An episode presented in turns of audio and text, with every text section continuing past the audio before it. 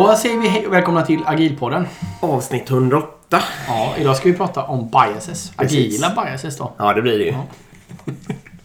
Och innan det ska vi... eh, Ja, tacka våra sponsorer. Precis. Först ut är Deliver då. Så det är in på deliver.com för att läsa mer.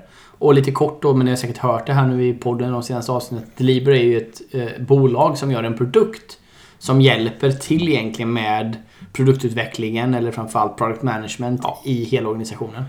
Precis.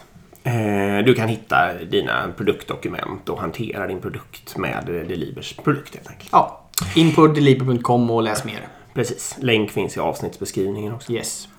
Och så ska vi tacka CRISP för att ni är med oss. Eh, CRISP är ju ett utbildnings och konsultföretag som hjälper till med eh, fantastiska utbildningar i eh, lean agila metoder och liknande. Eh, och för den delen även konsulthjälp då. Så gå in på crisp.se och hitta dem. Finns också i avsnittsbeskrivningen. Och glada nyheter är ju förresten att CRISP är med oss i, nästa, i kvartal ett nästa år också. Ja, så Agilpodden kommer tillbaka. Det här blir faktiskt sista avsnittet innan eh, jul och nyårsuppehåll. Ja, det det nog. Men vi kommer tillbaka. Precis. Ni slipper oss inte ännu. Ja, det blir väl agila året sen borta i januari. Ja. Då vågar man väl nästan lova. Ja, Det var jävligt bra. Coolt! Eh, då kör vi då. va? Ja, men precis. Ska vi bara ge lite kontext och bakgrund Ja, till vad det här... Alltså... Ja, var börjar man egentligen? Biases? Vi- vi- Ja, precis. Jag vet vad vi börjar. Ja. Vi börjar. Du har ju en fascination över eh, att biases eh, finns. Ja, För du kom lite från ett läge när du kanske inte hade tänkt så mycket på det och så plötsligt så hoppar de fram. Eh, kanske delvis lite för, beroende på saker jag sa en gång i tiden och sen har du ju tagit reda på jättemycket mer och sådär.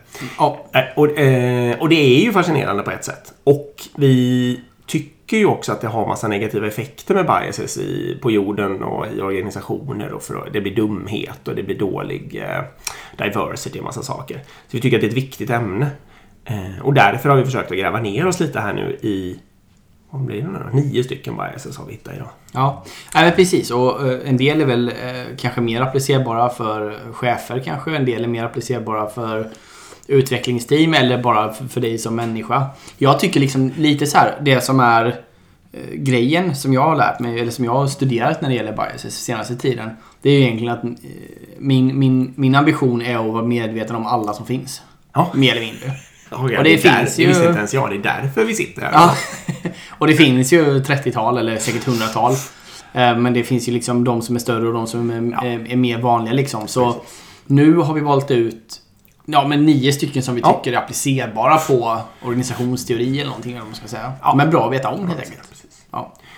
Eh, bra intro. Okej, vilken är först ut då? Nummer, Ehm, nummer ett. Nummer ett är eh, confirmation bias. Eh, och det är ju då helt enkelt att man tenderar att leta efter sån information som bekräftar någonting som jag redan tror eller tycker eller tror är sant. Liksom. Mm. Eh, typexempel kan vara då att om jag har någon, eh, någon ny piffig idé så går jag kanske ganska lätt till den som jag vet brukar ha, den som tycker likadant som jag som brukar hålla med mig och frågar om det här är en bra idé. Och då ökar ju chansen att det är en bra idé så att säga. Ja. Eh, eller för den delen då att om jag har massa sociala media så kanske jag är med i lite sådana grupper och sen då så kanske när AI lär sig ungefär vad jag tycker också och kastar fram fler och fler grupper av en viss sort. Eh, och så hamnar jag då i, ja vad är det, det brukar kallas Filterbubbla. filterbubbla. Mm. Exakt. Precis. Det hänger ihop med confirmation bias. Ja, men det gör det. Eh, till exempel, både du och jag är ganska fascinerade av elbilar. Jag är med i ganska mycket olika forum om elbilar. Och det är klart, där matas med mig hur bra det är med elbilar och hur dåligt det är med icke-elbilar. Och det finns ju precis grupper tvärtom. Men, men det är precis det här är ju... så man blir ju ganska påverkad av det liksom. Det är Ja. Så enkelt är det. Nej. Ehm, ja, Nej, anekdot bara. Jag är med i en grupp som heter Biltokig. Och den är ju snarare då förbränningsmotormänniska med där. Så var det någon som har lagt in en elgrej. Eh, och så stod det, jag har stängt av eh, kommentarsfältet till mitt inlägg för att slippa allt elbilshat. Jag träffade en, eh, om vi fortsätter anekdotspåret då. Ja. Jag träffade en person, eh, en, en hantverkare som hade köpt en elbil. Ehm, och så stod vi och pratade och jag har ju också köpt en elbil då. Ja. Då stod vi och pratade och ehm, då sa han det bara Du har du stött på några uh, antivaxare än? Jag bara Va? För jag förstod inte alls vad det hade med det här jag bara, Han bara, ja men du vet de här personerna som alltid ska komma och prata om hur dåligt elbil är och liksom, det är samma typer av människor på något sätt. Han bara, det dyker alltid upp någon i jävla släkting eller något som ska tjata om hur dåligt det är med elbil fast de aldrig har kört någon. Ja, men precis. Men confirmation bias. Vi summerar den. Det är egentligen det man får tänka på är precis som du säger att om du tänker som chef kanske då att du ska liksom promota någon eller du ska anställa någon eller du ska göra någon annan till chef eller du ska lägga ut en utvecklings, svår utvecklingsuppgift på ett team. Vem väljer du att prata med liksom? Att det är väldigt lätt att gå till den personen som du vet kommer hålla med dig. Ja. Och du kommer, även när du söker information så kommer du söka på information som redan på något sätt verifierar det du tror liksom, eller tänker. Det är det man får se upp med. Nu, hoppar jag tillbaka till introduktionen också. Nu, Berges är ju engelska och jag tror att föreställning tror jag man brukar kunna säga på svenska. Och unconscious bias är en omedveten föreställning då helt enkelt. Det är det vi pratar om här. Ja. Mm. Eh, sen kan man ju ha medvetna föreställningar också så att säga. Eh, och då blir det inte, ofta inte lika allvarligt. Och all, enligt sån här teori kring unconscious bias eh, ska man ju veta att alla människor har det. Eh, man, ska, om man går runt och tror att man inte har det så är man väl sämst ute så att säga. Ja, precis. Och, Partiskhet är Partiskhet, okej. Ja. Eh, och om man däremot är medveten om det och studerar det så att säga, då har man ju kanske chans att komma förbi de värsta kanske och sen så börja gräva längre ner i, i högen efter ett tag. Det är lite därför mitt mål är att lära mig alla. För då är jag i alla fall medveten om dem. Eh, Större sannolikhet att jag träffar dem. Att jag ser dem. Och sen apropå confirmation bias ska ju sägas också att det är ju liksom när man vill undvika det här, det är ju just när man vill vara faktadriven, jobbar, kanske vill vara datadriven, kanske vill ge människor lika chans till olika saker och sånt där. Sen är det klart att om man mera kanske är ute efter en kul kväll eller ska jag gå och titta på en humorföreställning eller något sånt där, då kanske man, då kanske man gärna söker sig till sitt confirmation bias till Ja. exempel för att då blir det ju roligt och sådär. Ja. Och det kan väl vara helt okej. Och det är kanske skönt att umgås med Exakt. folk som tycker likadant. Exakt. Mm. Eh, bara återigen, bara man är medveten. Då. Mm. Ja, det är bra poäng. Nummer två på listan. Eh, precis. Det är hindsight bias. Eh, alltså efterklokhet. Mm. Eh, här hade ju du en, eh, en rolig... Vi tar kanske exemplet först. Det var... De hade frågat studenter, tror jag, vem som skulle vinna ett val till senaten i USA, en viss delstat. Just det, precis. Så Och då hade... Ja, exakt. 58% trodde att den som skulle vinna skulle vinna innan den hade vunnit. Och sen hade man frågat på sam, samma studenter, eller i alla fall samma skola, eh, efteråt hur många som innan hade trott att den skulle vinna. Och då var det helt plötsligt 78%. Eh, så det här biaset är helt enkelt det att man liksom i efterhand så himla lätt att få för sig. Jag menar, jag tror inte att de här människorna ljuger, men det är så himla lätt att få för sig det. Att ja, men det visste jag väl hela tiden att det skulle bli så och så. Liksom. Mm. Eh, trots att man inte alls visste det. Och jag vet själv att jag är så otroligt vaksam för det där. Ehm, till exempel, typexempel för mig har varit här när vi har tagit ansvar för aktiviteter på jobbet nu under covid. Mm. Jag, jag, jag är arbetsmiljöansvar liksom, till exempel. Eller och ett visst moraliskt ansvar och så vidare. Eh, och så har man ett evenemang kanske. Eller kanske ett möte. Eller till och med ett större evenemang som det var här senast. Fysiskt eller digitalt? Ja, exakt. Det var det som var beslutet då. Ja, Ska okej. vi göra det här? Det var ett hackathon, det är väl inget Ja. hemligt med det här. Eh, som var planerat IRL. Mm. Eh, men så blev det ju... Det som har hänt har ju börjat hända här i Europa. Ja, du, du pratar om en... För det, folk kanske lyssnar på det om tio år. Ja, det är sant. aning. Men helt enkelt covidläget blev mycket, mycket värre. Ja. Pandemin blev värre och fler blir smittade och där kommer nya varianter åt något och det är lite oklart läge och Folkhälsomyndigheten kommer med nya rekommendationer och så här. Men det var liksom Mm. inte olagligt och inte tvärs emot rekommendationerna heller liksom. Nej.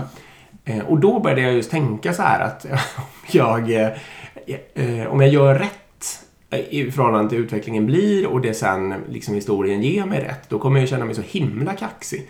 Men när jag satt där innan så tänkte jag det att jag, jag vet ju verkligen inte. Det kan ju verkligen, det här kan ju svänga åt vilket håll som helst. Och de här, det finns ju människor som har skapat, alltså gjort evenemang nu under det här året, eh, 2021, liksom, som har gått skitdåligt och annat som har gått hur bra som helst. Det hör man ofta inte lika mycket om. Eh, och då tänkte jag just på det här efterklokhet att nu, nu är jag innan och nu måste jag ta ansvar utifrån att vad som helst kan hända även om jag kan gissa på vissa saker. Vi körde ju det um, digitalt. Mm. Ehm, Mm. Men utan att veta att det hette så, så beaktade jag det biaset. Ja. Nej, men precis. Det är lätt att man efterskriver på något sätt. Ja, exakt. Trean, Mm. anchoring bias. Just det. Vill du köra? Ja, vad var det för något? Jaha. Jag glömmer bort. Det är Jo. helt enkelt att första intrycket fastnar. Ja, men exakt. Och det här är då... ehm, det här är ju vanligt eh, om man till exempel eh, förhandlar om, om ett pris eller någonting. Att om någon säger priset till en början. Liksom att ja, men för din bil kan vi betala ja, men runt 170 000. Då kommer det vara väldigt, väldigt svårt att rubba det sen. Liksom. För sen kanske det kommer fram då att Jaha, du hade inga vinterdäck och den var inte servad och det var missljud i fläkten och det var ja, vad det nu är liksom. Då kommer det vara väldigt svårt att rubba den liksom ursprungliga prisnivån för att du helt enkelt har en anchoring i den. Och om man då tar den ännu mer eh, psykologiskt så blir det ju eh, som du pratar om det med barndomen. Alltså vissa grejer som man lär sig när man är barn. Eh, som föräldrar kanske bara hittar på liksom.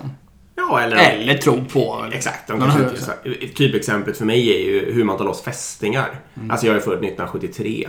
Och då där på 70-80-talet då tog man loss fästingar med, man skulle skruva dem mot sols tre fjärdedels varv. Alltså det var riktigt sån här, det, det var ju bara att vänta på Riktigt fullmåne påhitt. var det enda som saknades liksom. Ja. Eh, man skulle. Smörja, ja, verkligen. Skulle smörja in dem i fotogen och, och allt vad det var. Liksom.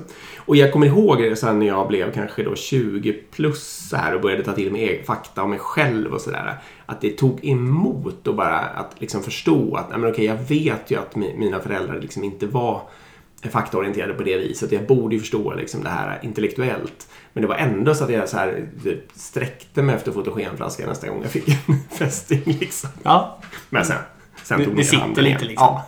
Samma sak är när mina barn nu ville tända lampan bak i bilen. Jaha. Det är också sån här, jag var ju uppväxt med att då kan Ja, man ju, man då, då, då krockar man ju dör liksom. Men så inser jag det att det är inte ett dugg svårare att köra om det är bara tänt bak. Alltså Ja, tänt fram kanske är lite sådär men I din bil så är det bra ljus och så. Nej, det spelar nästan det spelar ingen superroll liksom. Eh, I alla fall det är inte så att vi kommer dö av Nej. det liksom. Nej. Men det är också en sån där grej man blir intutad liksom.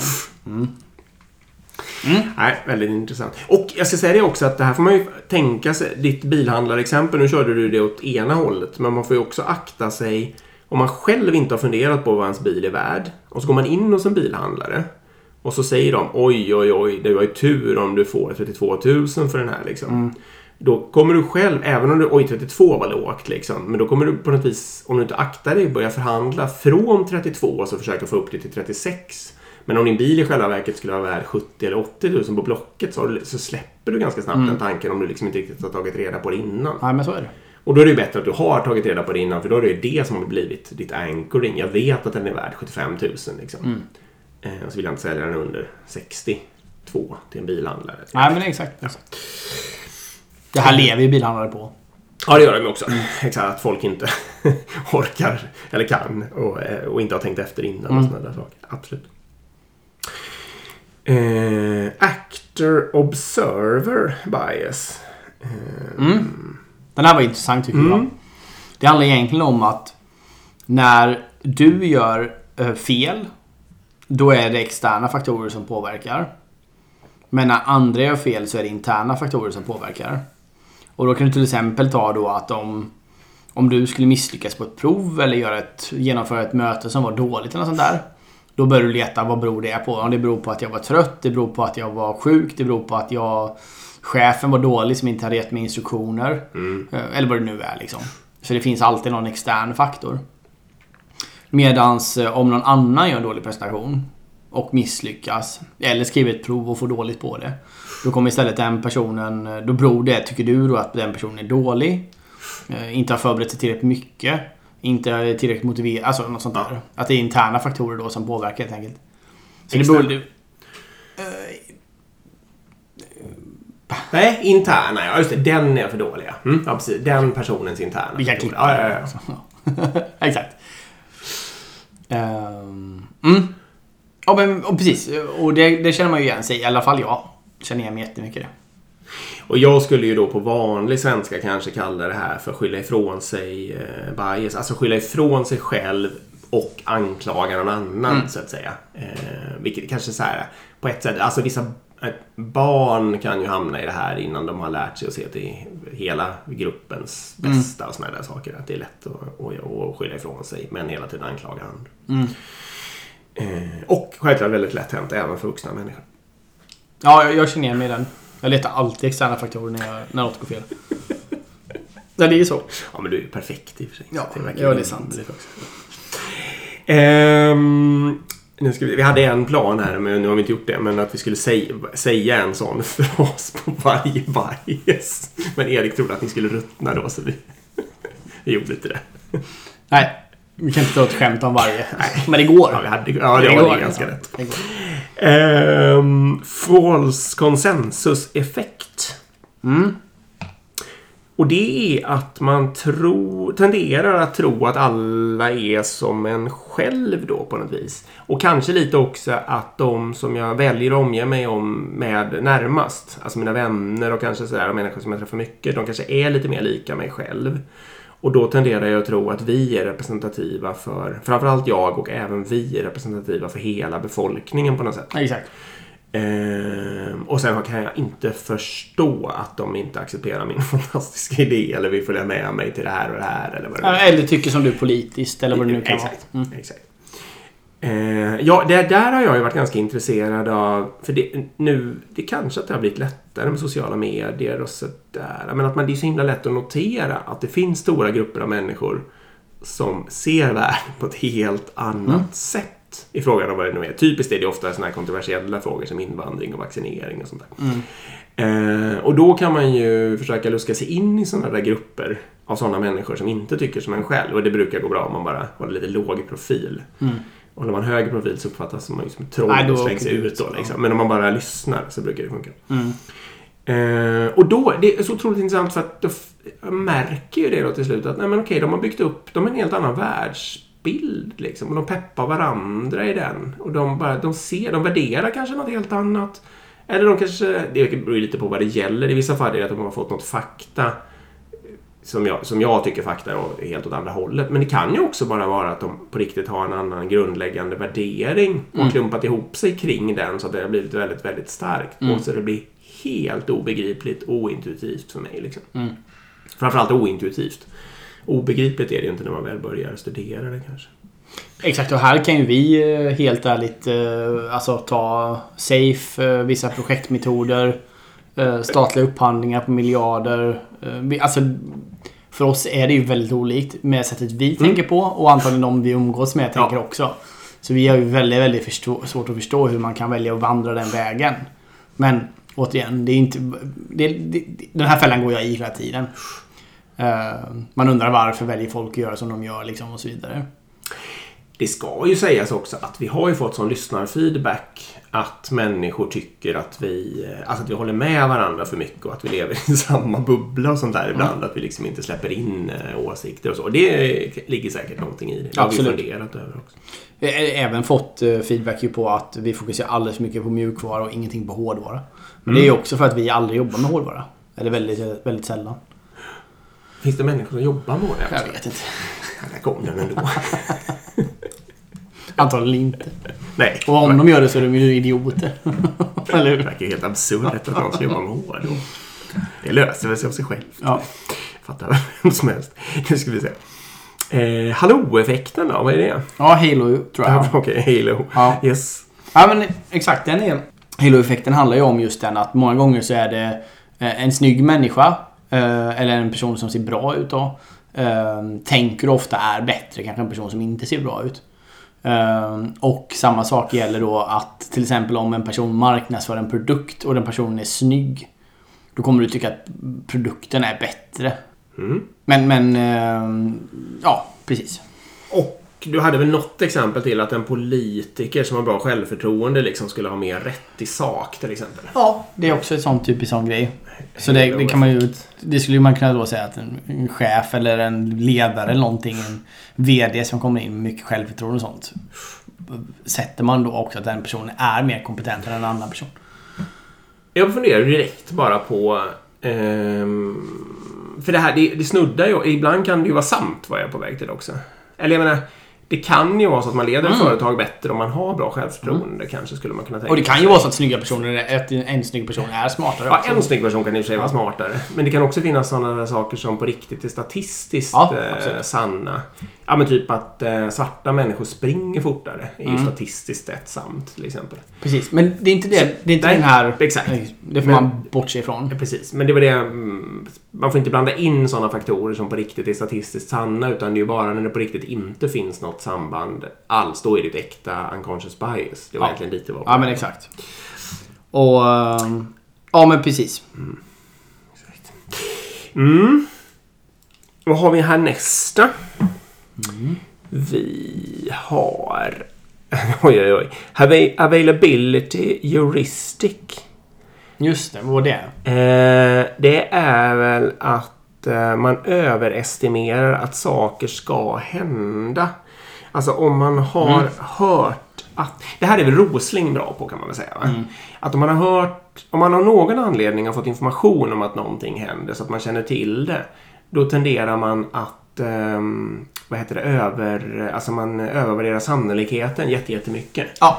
Så tittar man på mycket nyhetssändningar med svält och krig eh, eller för den delen hör att det är mycket rån i ens område eller i Stockholm eller vad det nu kan vara. Liksom. Så tenderar man att tro, bli rädd och tänka att det där är jättevanligt. Det är jättestor risk att jag eh, alltså drabbas av en flygolycka i en sån här Boeing eh, 777 heter den kanske. Mm. Eh, och, alltså det var ju starkt förhöjd risk men den var ju fortfarande skitlåg. Liksom. Ja. Eh, ja. Eh, och det är fortfarande kanske jättelåg risk att drabbas av ett rån i Sverige och ja, vad det nu kan vara för någonting. Mm. Svälten är ju lägre än någonsin i världen. Eller inte någonsin kanske, men på hundratals eller tusentals år. Liksom. Precis, det var väl hela hans eh, bok handlar om där. Ja. Roslinget. Världens utveckling när det gäller de flesta de här faktorerna med svält och liksom, kvi- kvinnoförtryck och allt. Alla de är positiva, alla de faktorerna. Men det är inte den allmänna uppfattningen. Men det beror ju på att den allmänna uppfattningen inte baseras på data utan den baseras ju på vad vi ser och känner och tror liksom. Det är Precis. precis det den här handlar om egentligen. Ehm, jag menar om, om, om eh, det sker ett mord där du bor till exempel. Mm. I närheten av där du bor. Så måste du ju fortfarande kolla datan senaste tio åren. Hur sannolikt är det att bli mördad här? Okej, det har skett tio mord på tio år. Och liksom, bara för att det sker ett nästa år då så det, det ökar inte sannolikheten för att det är död i det området. Utan det är bara enligt, så det borde vara enligt datan. Kan till, ofta gånger, många gånger är det till och med tvärtom att det är till och med en förbättring. Mm, Eh, precis. Fast det sker liksom. Kanske är första stölden på, stölden på väldigt länge eller första inbrottet på väldigt länge. Precis. Nej, intressant. Sen har vi då en, eh, ett syskon till den här, fast som slår åt andra hållet, som kallas för optimist bias. Mm. Och den eh, kretsar kring att vi tror att negativa saker inte drabbar oss. Mm. Man också bortser från risker. Mm. Och jag tror skillnaden här är väl kanske att i det första fallet så är det saker som man har matats med på något sätt. Mm. Och i det här fallet är det snarare kanske då fakta eller saker som man på något vis känner till. Eh, men också man vet skulle kunna drabba en rent intellektuellt. Alltså sjukdomar eller bli av med jobbet eller Mm. sådana där saker. Eh, men det tenderar vi att bortse. Inte alla människor alltid, men det finns ett sånt bias då att vi tenderar att bortse från det och liksom stoppa huvudet i sanden mer eller mindre. Jag tror det. Ta sk- skilsmässa tror jag är ett bra exempel här. Jag tror det är eh, väldigt få människor eh, som tror att det kommer drabba dem. Men vi vet ju statistiskt att en majoritet, över 50% skiljer sig. Sant. Och kanske den, den personen då som kanske inte tar initiativet om det inte är något gemensamt initiativ. Liksom, eh, den kan ju gå runt kanske väldigt långt och tro att det inte ska drabba den. Kanske till exempel. Eh, stoppa huvudet i sanden helt enkelt. Mm, något sätt. Mhm. Ehm, då ska vi se. Då har vi din favorit kvar. Okej. Minns du vilken det är? Nej. Sank kost. Ja! ja, den är favorit. Även kallad eh, skolplattforms-bias. Ja, lite så är det ju. Nej, men hela den grejen eh, går väl ut på att har du börjat investera i någonting. eh, I det, man kan ta det eh, ekonomiska fallet. Så är det extremt svårt att ta den förlusten. Utan du kommer fortsätta investera liksom i princip all oändlighet. Alltså dumdrist i oändlighet. Mm. Jag tog exempel bara liksom en konsertbiljett. Man har betalat 200 kronor för en Mm. konsertbiljett. Och så ligger den här arenan lite långt bort. Och sen när den dag man skulle gå på konserten så är det snöstorm och skit hit och dit. Liksom. Mm. Så du kunde inte ta den där. Du kan inte cykla som du hade tänkt. Liksom. Och då lägger du 200, eller lägger du 2000 kronor på att åka taxi fram och Mm, tillbaka. precis. För att du vill absolut inte förlora de 200 kronor du investerat. Men med det rationella beslutet hade det varit såklart kanske att skita i det och gå en annan dag. Så hade det kostat 400 kronor Ja. totalt istället. Men att köpa två biljetter och inte ta den där dyra taxin.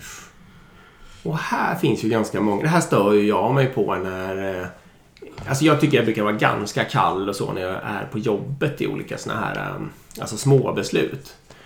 Eh, Men då, så, då kan det ju vara sånt här som att det finns en resepolicy och att man ska gå via en resebyrå och att man ska köpa biljetter på vissa flygbolag förr i världen när jag fortfarande flög. Ehm, och, och det är för att då kan de nämligen boka av dem så att vi, så vi inte liksom, om vi måste ändra den här resan och sådär. Och därför så får inte jag boka med det här lilla flygbolaget själv på webben. För då kan man inte boka av det. Och då kan ju vän av ordning inflika att den biljetten kostar så här 500 kronor och sånt där så att säga. Eh, och du bara slänga den. Och då blir folk försk- Alltså trots att det här är ju smarta människor kan man Ja. tycka. Så, med, liksom höga chefer med massa miljoner i budget åt något. Så, så, här, så blir de ändå, rycker till lite att man ska slänga en flygbiljett för 500 kronor. Och det- Fast det är mycket billigare. Ja, exakt. Fast det är mycket billigare. Den absolut enklaste lösningen. Och jag menar, man, man skulle kunna köpa dubbla eller Ja, exakt. Ja, åt något, liksom. Och här... Eh, eh, exakt, här har vi ju också ett, eh, eh, ett annat exempel. Som jag glömde bort bara. Skulle du säga skolplattformen nu eller nej? Nej, jag tror inte. IT-projekt.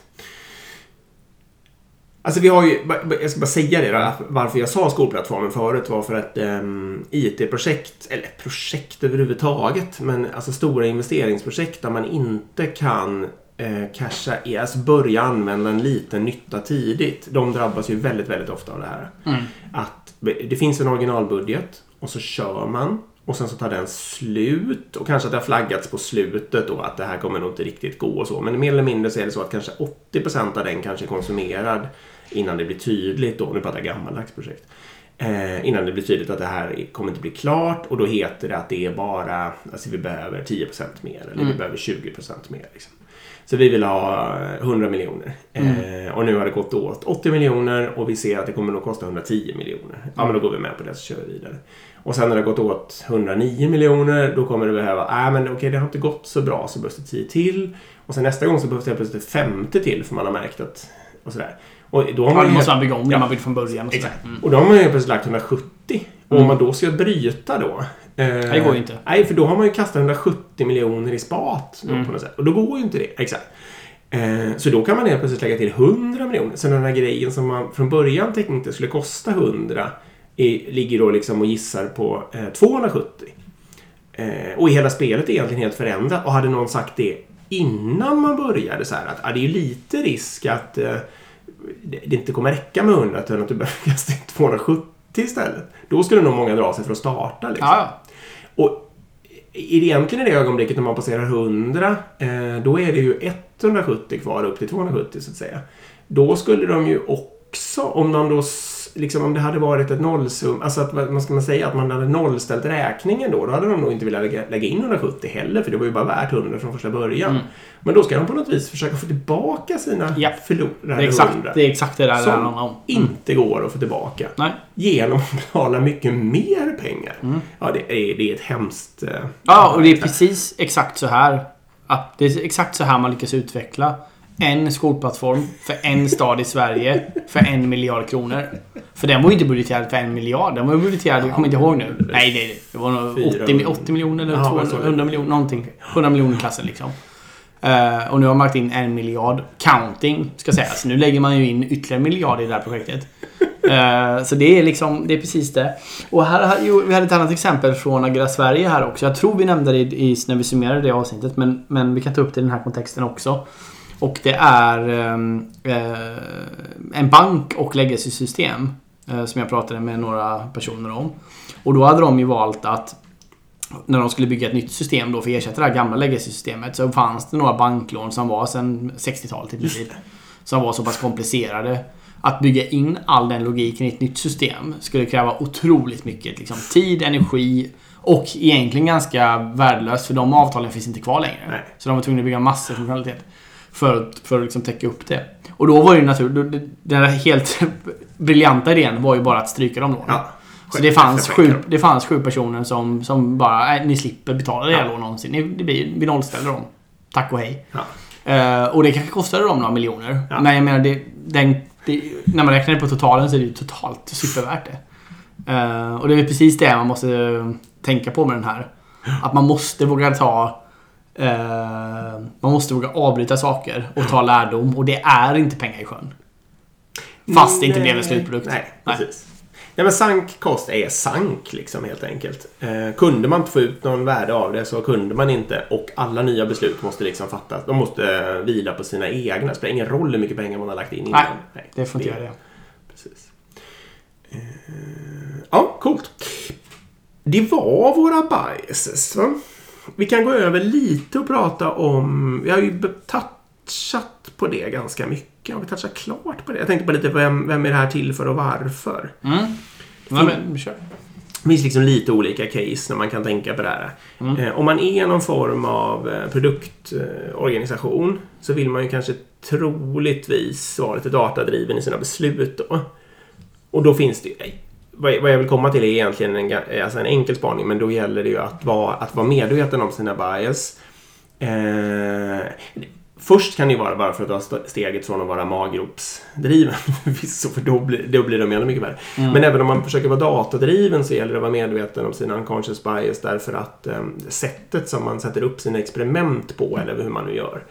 Eh, om man har ett starkt bias när man gör det så kommer man ju troligtvis kunna hitta sådana experiment som stödjer eh, ens original liksom, tro. Det kommer typiskt confirmation bias då. Mm.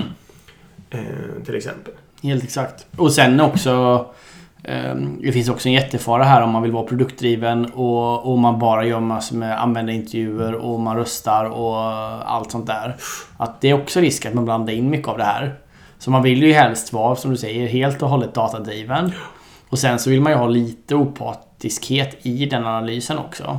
Ja, precis. Ehm, så. så det kan vara ganska sunt. Eh, Många av de här eh, eh, organisationerna eh, som är framgångsrika i världen inom tech, eh, utan att nämna några bolag, eh, jobbar ju ofta med att ha eh, en del av organisationen som är helt frikopplad som just är ansvarig för det här.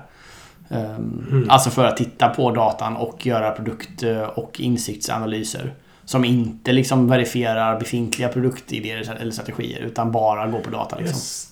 För, för det är en sak jag har tänkt på också, som jag också tycker verkligen, att det finns ju en styrka, eh, om man är en produktorganisation, så finns det ju en styrka att det sitter någon med ett brinnande hjärta och en vision, så att säga. Och verkligen, hit vill jag. Och då kan man ju säga att den är biased på massa sätt. Och, och att det är en fördel att den är det, därför att den kommer hålla det här kanske lite rent och tydligt tack vare sitt bias. Liksom. Eh, och då är det ju faktiskt skitsmart. Jag har inte tänkt på det på det sättet. Men då kan man ju ha någon helt annan del av organisationen som du säger som så att säga forskar på datat och sen så bara presenterar olika saker även för den här människan så kan den göra vad den vill med det. Exakt. Men då blir det i alla fall experimenten inte biased eller dataanalysen inte biased. Exakt. Nej, det är ju väldigt smart. faktiskt. Och där kan man också då fundera på om vem ska sätta upp de här experimenten och vem ska skriva testhypotesen. Är det produktmänniskan eller utvecklingsteamet eller är det någon annan i organisationen som ska göra det som inte då kanske har alla de här idéerna Mm. eller visionerna och så vidare. Nej, men det är väldigt sant. Och då, precis, och där kan man ju självklart blanda och ge och är det små beslut så kanske det är en smidighetsfråga också. Men om det är stora komplicerade beslut som kommer drabba en i många år och vägval och grejer, då kan det ju vara väldigt stor anledning att tänka sig för. Mm. Eh, Jag tänkte på det också att det är ju lite, om man nu driver någon slags vinstdrivande företag så är det ju, det gäller det att ha någon slags nisch som gör att man blir vald. Alltså en unik selling point eller kalla det vad du vill. Eh, och då kan det ju, det här beror ju på vem man tävlar mot givetvis. Men det kan ju vara så att om en, en organisation eller ett företag jobbar ganska hårt med sina unconscious biases så kan de ju kanske hitta helt nya nischer och ställen där man kan tjäna pengar. Mm. Och det kan ju vara ett väldigt starkt argument för att jobba med i hela organisationen. Mm. Nej precis och sen vet vi ju alltså, många gånger att vi vara medvetna om de här grejerna. Framförallt när vi pratar rekrytering och söka. Det är ju också diversity Mm.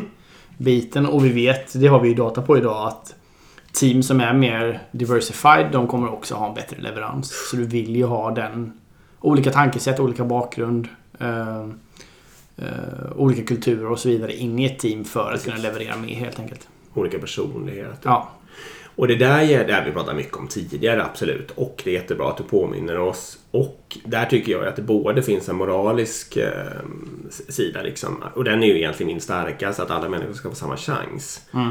Och det gynnar ju verkligen, precis som du säger, hela organisationen att få diverse teams. De, de blir smartare helt enkelt. Mm. Och du sa rekrytering och det gäller ju även i karriärutveckling eller det kan man ju kalla vad Ja. man vill. Och det är ju en slags rekrytering till högre chefsjobb eller svårare jobb på något sätt. ja. Mitt favoritexempel är ju kanske kvinnliga konsertpianister tror jag det var. va? just det. Då gjordes det ju helt, men då tyckte man att det var lite konstigt att de sällan fick de här solo, eh, alltså nyckel. Jag, kommer inte ihåg, jag ska inte svära på att det var piano, men vad det nu var för någonting. Mm. Ett instrument i alla fall. Och sen så började man experimentera med att göra de här eh, auditions, auditionerna, säger man så, uppspelningarna liksom, bakom ett skynke. Mm. Så man inte såg vem det var som spelade. Och då eh, var det en helt annan könsfördelning. Mm. Eh, Ja, men det är bra. Och jag skulle precis komma in på det också. att Man kan jobba från två sidor här. Ett, ett sätt till exempel som jag tycker man borde göra är att anonymisera alla ansökande till en Mm. viss tjänst till exempel. Eh, Att man inte då ser nödvändigtvis bakgrund och kön och vad det nu kan vara för andra saker. Det är ju en grej liksom man kan göra som företag för att liksom mer strukturellt se till att försöka ta bort de här biases i, i organisationen. Men det du kan göra också från andra sidan det är ju att utbilda alla människor i det här. Att man är Mm. medveten om om inte annat medveten om vilka som finns. Sen behöver man inte ranka sig själv på alla. eh, Men man kan i alla fall göra sig medveten om vilka som finns. Liksom. Jobbar man med både det och att man försöker strukturellt fixa det, då kommer man ganska långt. Mm. Nej, det, är väl så här, det gjorde ju min, eh, jag och min, min ledningsgrupp gjorde det. Vi utbildade alla chefer först i Unconscious Bias med hjälp av de här eh, stiftelsen, vad de heter. Ja. Som jobbar för diversity. Och sen när vi hade gjort det så tyckte jag att frågan var så pass viktig så då gjorde vi en egen utbildning som vi kunde... För den här första skalade väl, eller det hade blivit dyrt helt enkelt om man hade bara kört det på alla så att säga. Eh, Så gjorde vi en egen eh, men med alla de kunskaperna som vi hade gjort och så körde vi den på alla i hela organisationen. Och sen mynnade det i sin tur ut att det blev en arbetsgrupp som jobbade vidare med eh, unconscious bias och rekrytering och Mm. fördelning, framförallt könsfördelning men även andra Mm. biases. Ja, det var, det var precis. Nu har vi, ligger det väl lite, vi, vi var väl förra årets, eller årets st- starka fokus liksom. Vi får se när vi plockar upp det igen. Men det var många aktiviteter som Mm. kom i kölvattnet där. Mm. Intressant. Ja, men precis. Och eh, vi ska väl säga det också att det här är inte topp 9. Utan vi tog bara 9. Ja, precis. Eh, det finns massa mer. precis. Det gör det. Eh, så det, men det, det är ganska intressant. Googla och också tips är att kolla in Jag kommer inte ihåg exakt vad det heter men om man googlar på Google och typ self-assessment och eh, biases så kommer man hitta saker. Och där kan man testa sig själv och se vad man själv har för olika biases i de här olika områdena. Baserat på helt enkelt vad som är... Eh, du får ranka hur massor med svar liksom. Det ska jag testa. Mm. Det låter jättekul. Ja, det är ganska kul. Eh, Men det viktigaste är ju confirmation bias för att den alltid ligger framför näsan på en. Och sen så är det ju sank kost för att Erik är så arg på Stockholms stad. Eller hur? Ja, Det får avsluta... Det får avsluta podden. bra där. Eh, ehm, Då tackar vi. Ja. Precis. Till Deliber. Ja, och till CRISP för att ni gör podden möjlig båda två. det- Och som sagt, länkarna finns i avsnittsbeskrivningen. Gå in och eh, klicka och kolla runt. Det är det värt. Verkligen. Och tack till alla som lyssnar. Ja. Eh, vill ni oss något ja? Eh, agilpodden at gmail.com. Mm. Eller Agilpodden på Instagram. Det är bara att skriva till oss. Tack så mycket. Vi hörs nästa Hej. år. Hej.